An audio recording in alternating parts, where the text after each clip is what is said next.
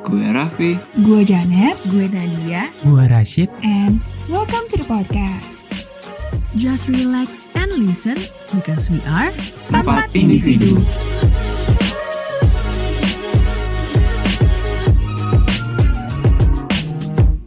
Halo. Halo. Hai. Halo. Halo, selamat datang teman-teman di podcastnya Empat Individu. Nah, di podcast yang pertama ini, Eh guys, guys, guys, guys. Apaan sih, Vi? kenapa Vi? Pada tahu nggak sih kalau sekarang Apa tuh apa Vi? itu loh, sekarang di bulan Mei ini tuh lagi diperingati sebagai Mental Health Awareness Month. Tapi sayangnya masih banyak stigma tentang kesehatan mental. Salah satunya stigma saat datang ke psikolog. Bener banget, karena stigma itu juga katanya tuh jadi banyak orang yang takut buat konsultasi dengan psikolog. Ya alasannya karena takut dianggap gila. Iya sih, gue juga pernah denger nih dari sepupu gue yang lagi depresi dan untuk pergi ke psikolog tuh dia nolak karena takut dijudge gitu sama lingkungannya. Oh iya, dan parahnya lagi ya, stigma ini tuh bisa datang dari setiap golongan tahu, bahkan sampai yang berpendidikan tinggi. Kayak inget nggak sih kalian kasusnya Nunung Sri Mulat? Iya, iya, tahu, Tahu tahu tahu. Ingat, ingat, ingat. Ternyata dari hasil laporan rumah sakit, Nunung itu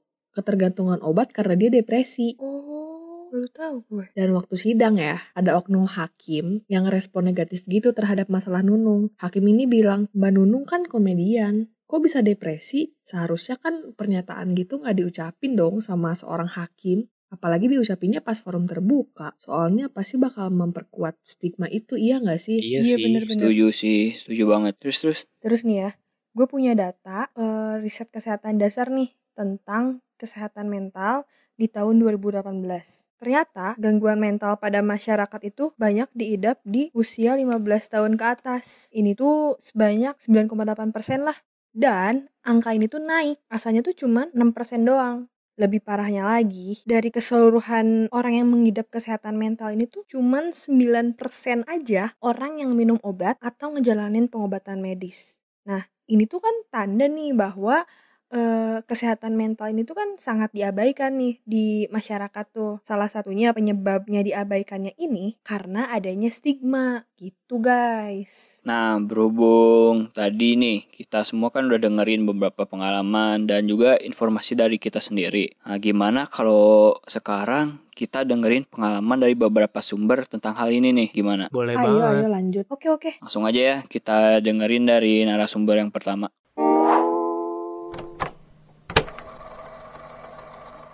Halo empat individu, kenalin aku Ira.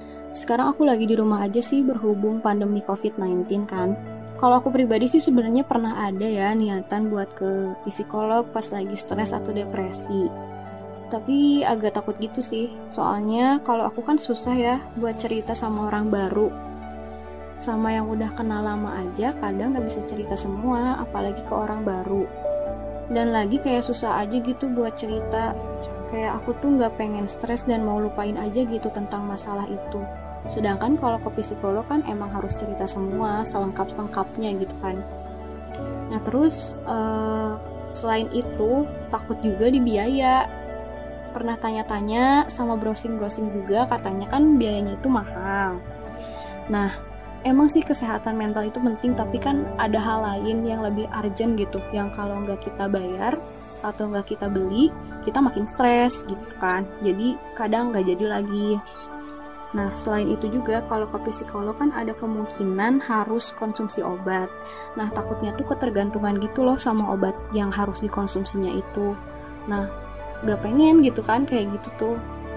Terus yang paling-paling takut itu kalau udah ketahuan sama orang lain, apalagi keluarga kalau kita lagi cari pertolongan ke psikolog. Ya takutnya dibilang gila gitu kan. Apalagi kalau misalnya udah ada diagnosa kita punya mental illness. Takutnya diri sendiri sama orang tua gak terima gitu kalau misalnya kita tuh lagi sakit. Sebenarnya segitu aja sih eh, hal-hal yang eh, aku pikirkan gitu tentang psikolog. Makasih ya empat individu udah mau dengerin cerita aku. Jadi, ada beberapa faktor nih untuk Mbak kenapa sih dia takut datang ke psikolog. Yang pertama itu karena dia itu susah untuk cerita sama orang baru. Yang kedua itu masalah biaya yang cukup mahal. Yang ketiga katanya tuh dia takut gitu ketergantungan sama obat. Dan ini nih yang paling penting, dia itu takut pergi ke psikolog karena takut ketahuan sama keluarganya. Balik lagi ya takut dibilang gila gitu. Nah mungkin langsung ke narasumber kedua kali ya. Assalamualaikum warahmatullahi wabarakatuh. Halo, perkenalkan nama saya Beri Sandi Nur Cahya. Umur saya 21 tahun. Saat ini saya memiliki kesibukan sebagai mahasiswa tingkat akhir dan sedang di tahap menyusun skripsi. Tanggapan saya tentang psikolog ya? Hmm, gimana ya? Soalnya saya nggak pernah mau buat konsultasi ke psikolog. Ya, karena stigma di luar sana yang cukup gila menurut saya mengenai tanggapan seseorang yang pergi ke psikolog itu. Dan biasanya, orang yang pergi ke psikolog pasti diberi obat untuk menjadikan orang yang datang ke psikolog itu, atau biasa kita katakan pasien ini, menjadi lebih rileks kan?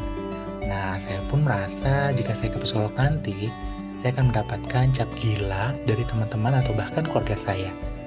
Belum lagi jika saya diberikan obat, pasti akan semakin menjadi-jadi saja pandangan orang lain terhadap saya. Dan menurut saya juga kalau bercerita ke orang lain atau ke psikolog merupakan suatu aib sih. Jadi kalau saya lebih ke mendem aja.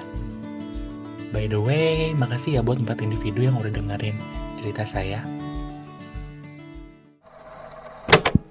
Ya, Waalaikumsalam Mas Berry. Mas Berry tuh sama ya kayak Mbak Ira. Dia itu masih takut buat datang psikolog, takut karena obat, sama takut karena adanya stigma gila juga. Tapi Berry ini tuh dia tipikal orang yang memendam secara sendiri gitu. Dia menyelesaikan masalahnya itu secara sendiri. Walaupun dia tahu kalau misalnya dipendam itu tuh gak baik buat dirinya sendiri. Kayak gitu tuh dari Mas Berry. Yo selanjutnya, narasumber selanjutnya. Halo, nama aku Anggia. Kesibukan kuliah tingkat akhir lagi skripsian mau cerita tentang opiniku soal stigma gila saat datang ke psikolog atau psikiater. Orang yang datang ke psikolog atau psikiater menurut aku adalah orang yang mau menolong dirinya sendiri. Kenapa? Karena nggak semua orang punya keberanian untuk cari pertolongan ke seorang profesional. Mungkin jangankan untuk cari pertolongan ke profesional untuk cerita tentang masalah sama keluarganya sendiri pun atau contohnya apa yang satu orang alami cerita ke orang terdekat sekalipun belum tentu punya keberanian yang sama. Kalau aku udah pernah, dulu aku ke psikiater. Pertama ke psikiater ke psikiater itu pertengahan tahun 2008 dengan segala keluhan sama perubahan yang ada di diri aku jadi aku milih untuk ke psikiater. Konsultasi sama psikiater itu sama sekali bukan masalah dan bukan hal yang memalukan. Karena yang tahu cara menangani kamu itu pasti orang yang memang di bidangnya atau seorang profesional lah. Ibaratnya nih lagi mikul beban bebannya masih dipikul, tapi kita tahu harus dibagi di mana aja. Selega itu. Saat itu didapat diagnosisnya apa, terus aku masih rutin kontrol sama konsumsi obat juga sampai sekarang. Yang pernah aku alami selama jadi pasien, yang gak enaknya itu tetapan aneh orang-orang kalau lagi jalan ke poli jiwa. Atau pernah juga bahasa yang gak enak tuh nyampe ke aku. Contohnya kayak di yang kerja di bagian administrasinya atau susternya gitu loh kalau di rumah sakit yang rasanya agak nggak pantas ya untuk diungkapkan ke seorang pasien gitu. Menurut aku sih yang perlu diedukasi atau yang diluruskan stigmanya tentang gila kalau misalnya ke psikolog atau ke psikiater itu bukan cuma orang awam kebanyakan sih, tapi pekerja sekalipun yang satu atap dengan profesional-profesional itu pun bisa masih punya stigma kayak gitu. Nah, makasih ya buat Anggi. Nah, dari Mbak Anggi sendiri ini tuh dia masih apa ya, dia menganggap orang yang datang ke psikolog atau psikiater itu orang yang mau menolong dirinya sendiri dan dia punya pengalaman sendiri sih pas datang ke psikiater dan menurut dia itu tuh bukan masalah ataupun hal memalukan karena bisa ngebantu ngeringanin beban yang kita punya. Nah, tapi sayang banget nih stigma negatif seorang pasien ini masih ada di kalangan tenaga kerja aja. Dan ternyata ya pernyataan Anggi ini didukung sama artikel dari tirto.id di mana ada sebuah penelitian di Jawa Timur pada tahun 2018 jadi mengkonfirmasi tidak tidak ada korelasi antara stigma dengan tingkat pendidikan. Jadi stigma ini cenderung muncul karena edukasi dan pengetahuan minim soal kesehatan mental. Ya balik lagi, jadi meskipun pendidikannya tinggi, belum tentu tuh edukasi kesehatan mentalnya bagus. Oh gitu ya. Mm -mm. Iya, iya, bener iya, bener iya, bener. Kayak yang pengalaman Anggi tadi ya. Iya Iya. betul. Setelah dengerin pengalaman dari beberapa narasumber tadi, kayaknya nih lebih baik langsung dilurusin aja kali ya tentang stigma gila saat datang ke psikolog ini sama tenaga ahlinya. Boleh boleh boleh. Wah emang ada? Ya ada lah, kemarin kan gue udah sempet wawancara sama salah satu tenaga ahlinya. Siapa tuh? Mantep banget nih Rashid. Daripada kelamaan, langsung aja nih ya, gue puterin hasil wawancara gue kemarin.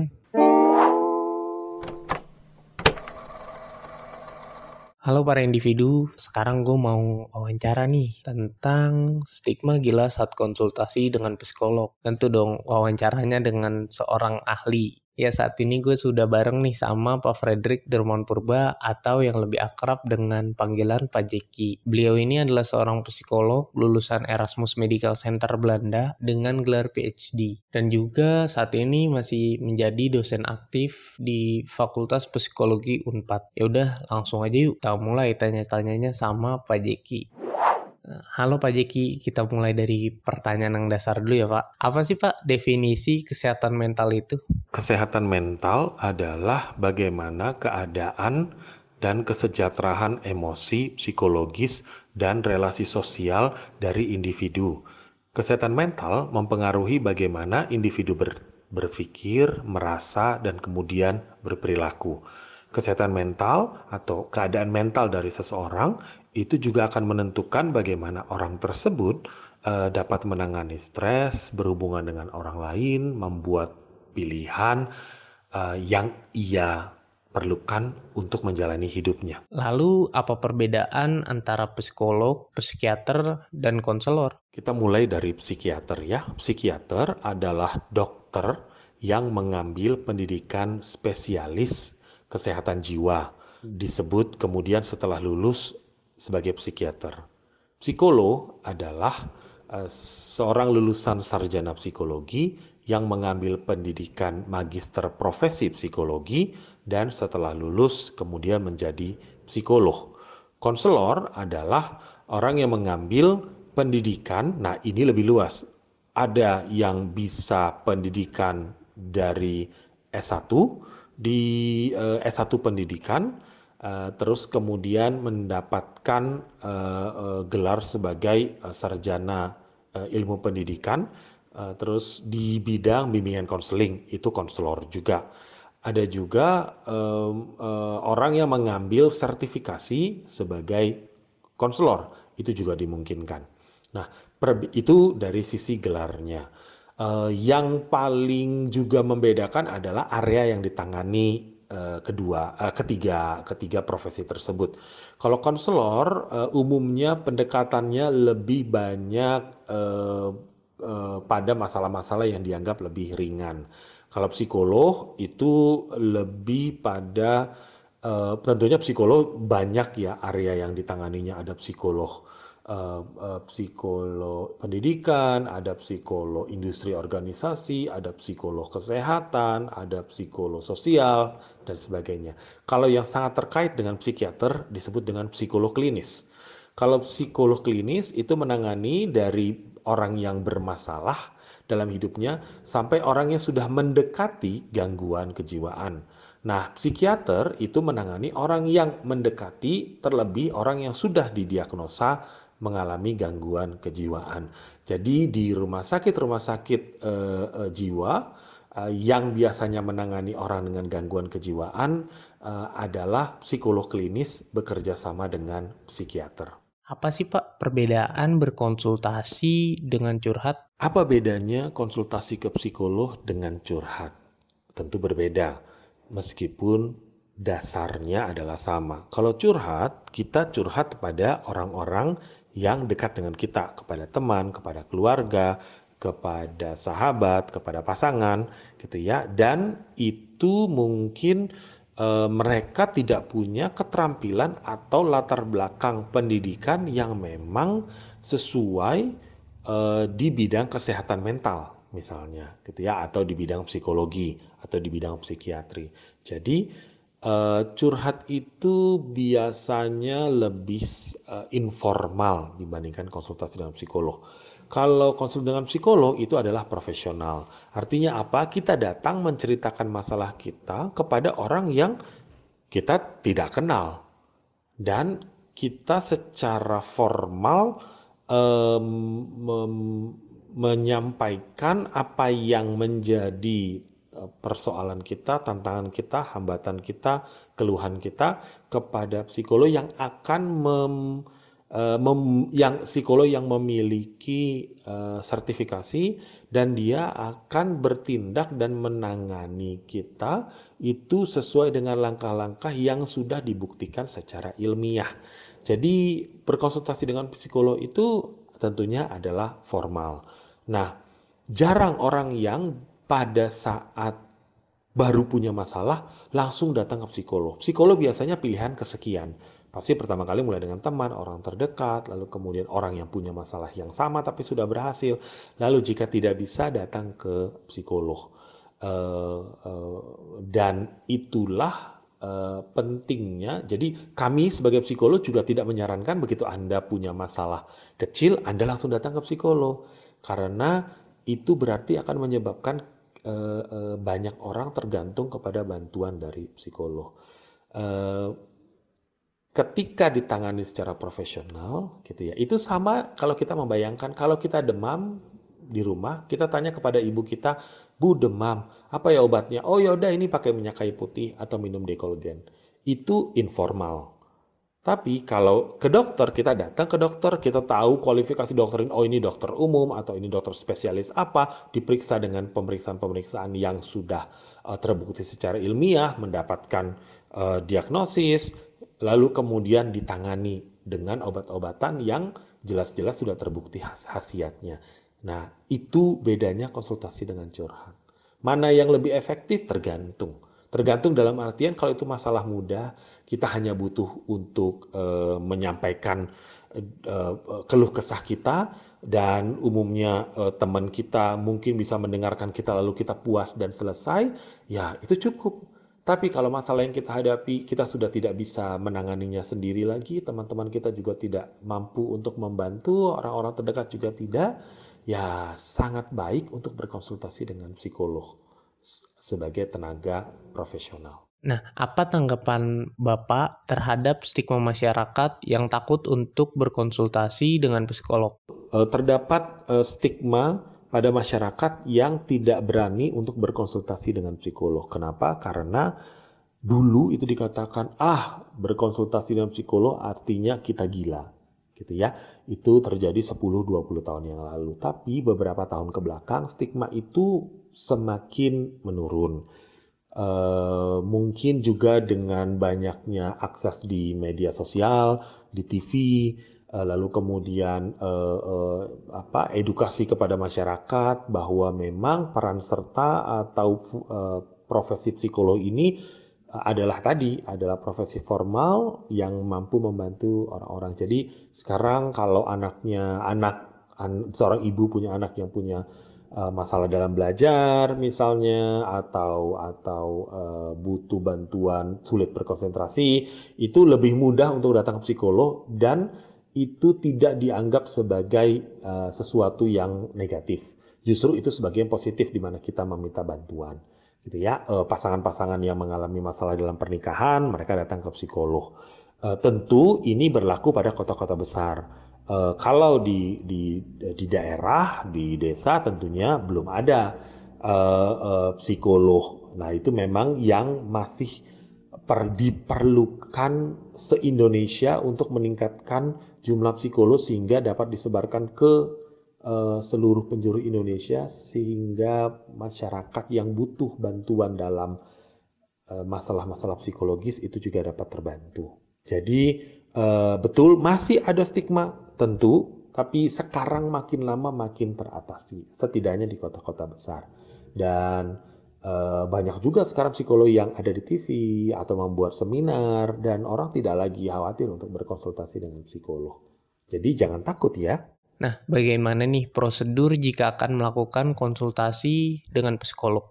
Prosedur yang perlu ditempuh jika akan melakukan konsultasi dengan psikolog adalah sama dengan prosedur yang diperlukan untuk konsultasi ke dokter. Yang pertama, umumnya menghubungi tempat atau biro konsultasi psikologi kalau itu adanya di biro atau menghubungi rumah sakit jika itu adanya di rumah sakit atau fasilitas kesehatan lainnya atau menghubungi nomor telepon yang ditampilkan atau kita dapatkan uh, pada tempat praktek dari psikolog yang prakteknya uh, pribadi, lalu uh, membuat janji. Uh, umumnya sih membuat janji dulu ya, karena pada banyak ke uh, keadaan gitu ya, pada banyak keadaan itu psikolog itu tidak diam di tempat dan menangani diam di tempat mulai dari jam 8 sampai jam 4. Jadi eh, biasanya dia punya hari-hari praktek. Jadi mirip dengan dokter. Gitu. Eh, banyaknya juga eh, kemungkin ketika membuat janji itu akan ditanyakan gambaran awal atau problemnya apa secara singkat Eh, dan jika itu di biro atau jika itu di rumah sakit atau itu sebuah organisasi yang membantu penanganan masalah-masalah psikologis nanti akan bisa dipilihkan psikolog mana yang paling tepat untuk menangani masalah tersebut.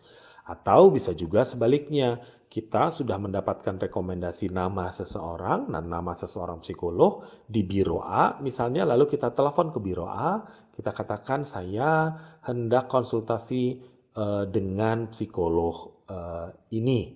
Uh, lalu kemudian akan dibuatkan janjinya. Lalu kemudian ya tinggal uh, datang sesuai dengan uh, waktu janjiannya. Rasanya itu prosedur yang perlu ditempuh. Nah yang terakhir nih Pak, apa sih solusi yang perlu dilakukan agar masyarakat mau berkonsultasi dengan psikolog? Bagaimana agar masyarakat mau berkonsultasi dengan psikolog tanpa adanya stigma tersebut? Eh, dari sisi psikolognya sendiri, rasanya profesi psikolog itu, eh, para psikolog itu perlu untuk lebih banyak menulis di media massa, menulis di media sosial, sebagai psikolog tentunya ya gitu, bukan sebagai hanya personal, lalu kemudian tampil di acara-acara televisi, mudah-mudahan di media massa itu makin secara jelas dan gamblang kalau ada isu-isu yang memang areanya psikologis itu yang diundang adalah psikolog bukan selebgram gitu misalnya atau artis gitu. Tapi lebih baik ditangani uh, atau di, dikonsultasikan atau diwawancarai yang psikolog. Um, um, itu dari sisi profesi psikologi. Dari sisi uh, uh, uh, misalnya pembuat kebijakan tentunya mungkin bisa merekrut banyak psikolog uh, untuk ditempatkan di puskesmas-puskesmas karena orang banyak pertama kali itu apalagi dalam era BPJS ini datangnya puskesmas pertama kali. Dan kalau ada layanan psikolog di puskesmas tentunya orang kemudian akan merasa juga lebih nyaman. Uh, seakan-akan ya memang kalau kalau sakit ya ke ke dokter ya sama. Kalau ada butuh masalah yang untuk psikologis dibantu oleh psikolog ya datangnya juga ke puskesmas yang ada psikolognya. Pada saat ini di Kota Bandung itu belum terlalu belum banyak puskesmas yang yang ada tenaga psikolognya. Sudah mulai ada uh, beberapa universitas di Bandung itu sudah mulai untuk mencoba menyuplai tenaga tapi tentunya ini kan butuh kebijakan uh, dari pemerintah. Kalau buat masyarakat tentunya banyak banyaklah membaca kolom-kolom psikologi yang memang dikeluarkan oleh psikolog yang jelas jelas psikolog Bahkan di website Himpunan Psikologi Indonesia itu ada kok dari bisa diketik namanya lalu kemudian lihat apakah dia betul terdaftar di Himpunan Psikologi Indonesia. Uh, karena itu jangan ragu kalau memang punya masalah dan ingin dibicarakan uh, dan banyak psikolog itu tidak jadi gini tentu karena profesional mungkin ada fee-nya gitu ya. Sama kalau kita ke dokter. Tapi banyak juga psikolog-psikolog atau lembaga-lembaga pendampingan psikologis yang uh, uh, uh, kalau memang pada masyarakat yang kesulitan keuangan untuk itu uh, memberikan layanan atau pendampingan psikologis yang gratis. Jadi jangan khawatir soal itu. Kalau memang butuh bantuan segera datang ke psikolog terdekat Gitu ternyata ya. Terima kasih ya Pak Jeki atas waktunya. Oke nih para individu, lumayan juga kan sekarang jadi makin tahu tentang stigma terhadap psikolog dan seputar kesehatan mental ini gimana. Pastinya dong kita menambah wawasan setelah dengerin wawancara tadi sedikit lebih pinter lah, ya gak?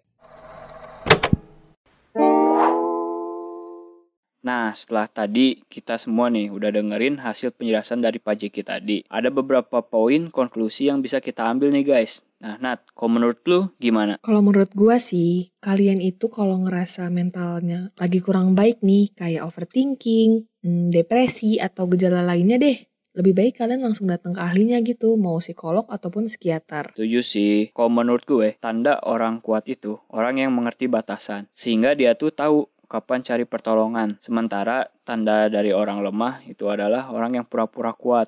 Jadi bisa dikatakan stigma gila itu cuma sugesti aja. Keren. Tapi gue mau nambahin nih. Kalau menurut gue tuh ya, mereka yang berani buat berkonsultasi itu adalah orang-orang yang kuat karena mereka itu berani buat cari solusi mecahin masalahnya sendiri gitu. Kalian pernah dengar gak sih kayak ada satu kalimat it's okay not to be okay gitu gak sih? Hmm, tahu tahu. Kayak ya udah uh, hadapin aja deh gitu. Iya betul banget tuh. Empat individu lawan stigma. Gangguan jiwa bukan kejahatan. Stigmatisasi yang, yang harus dihentikan. Gimana gimana? Lanjut episode selanjutnya ya. Jangan lupa dengerin terus 4 individu. Sampai jumpa.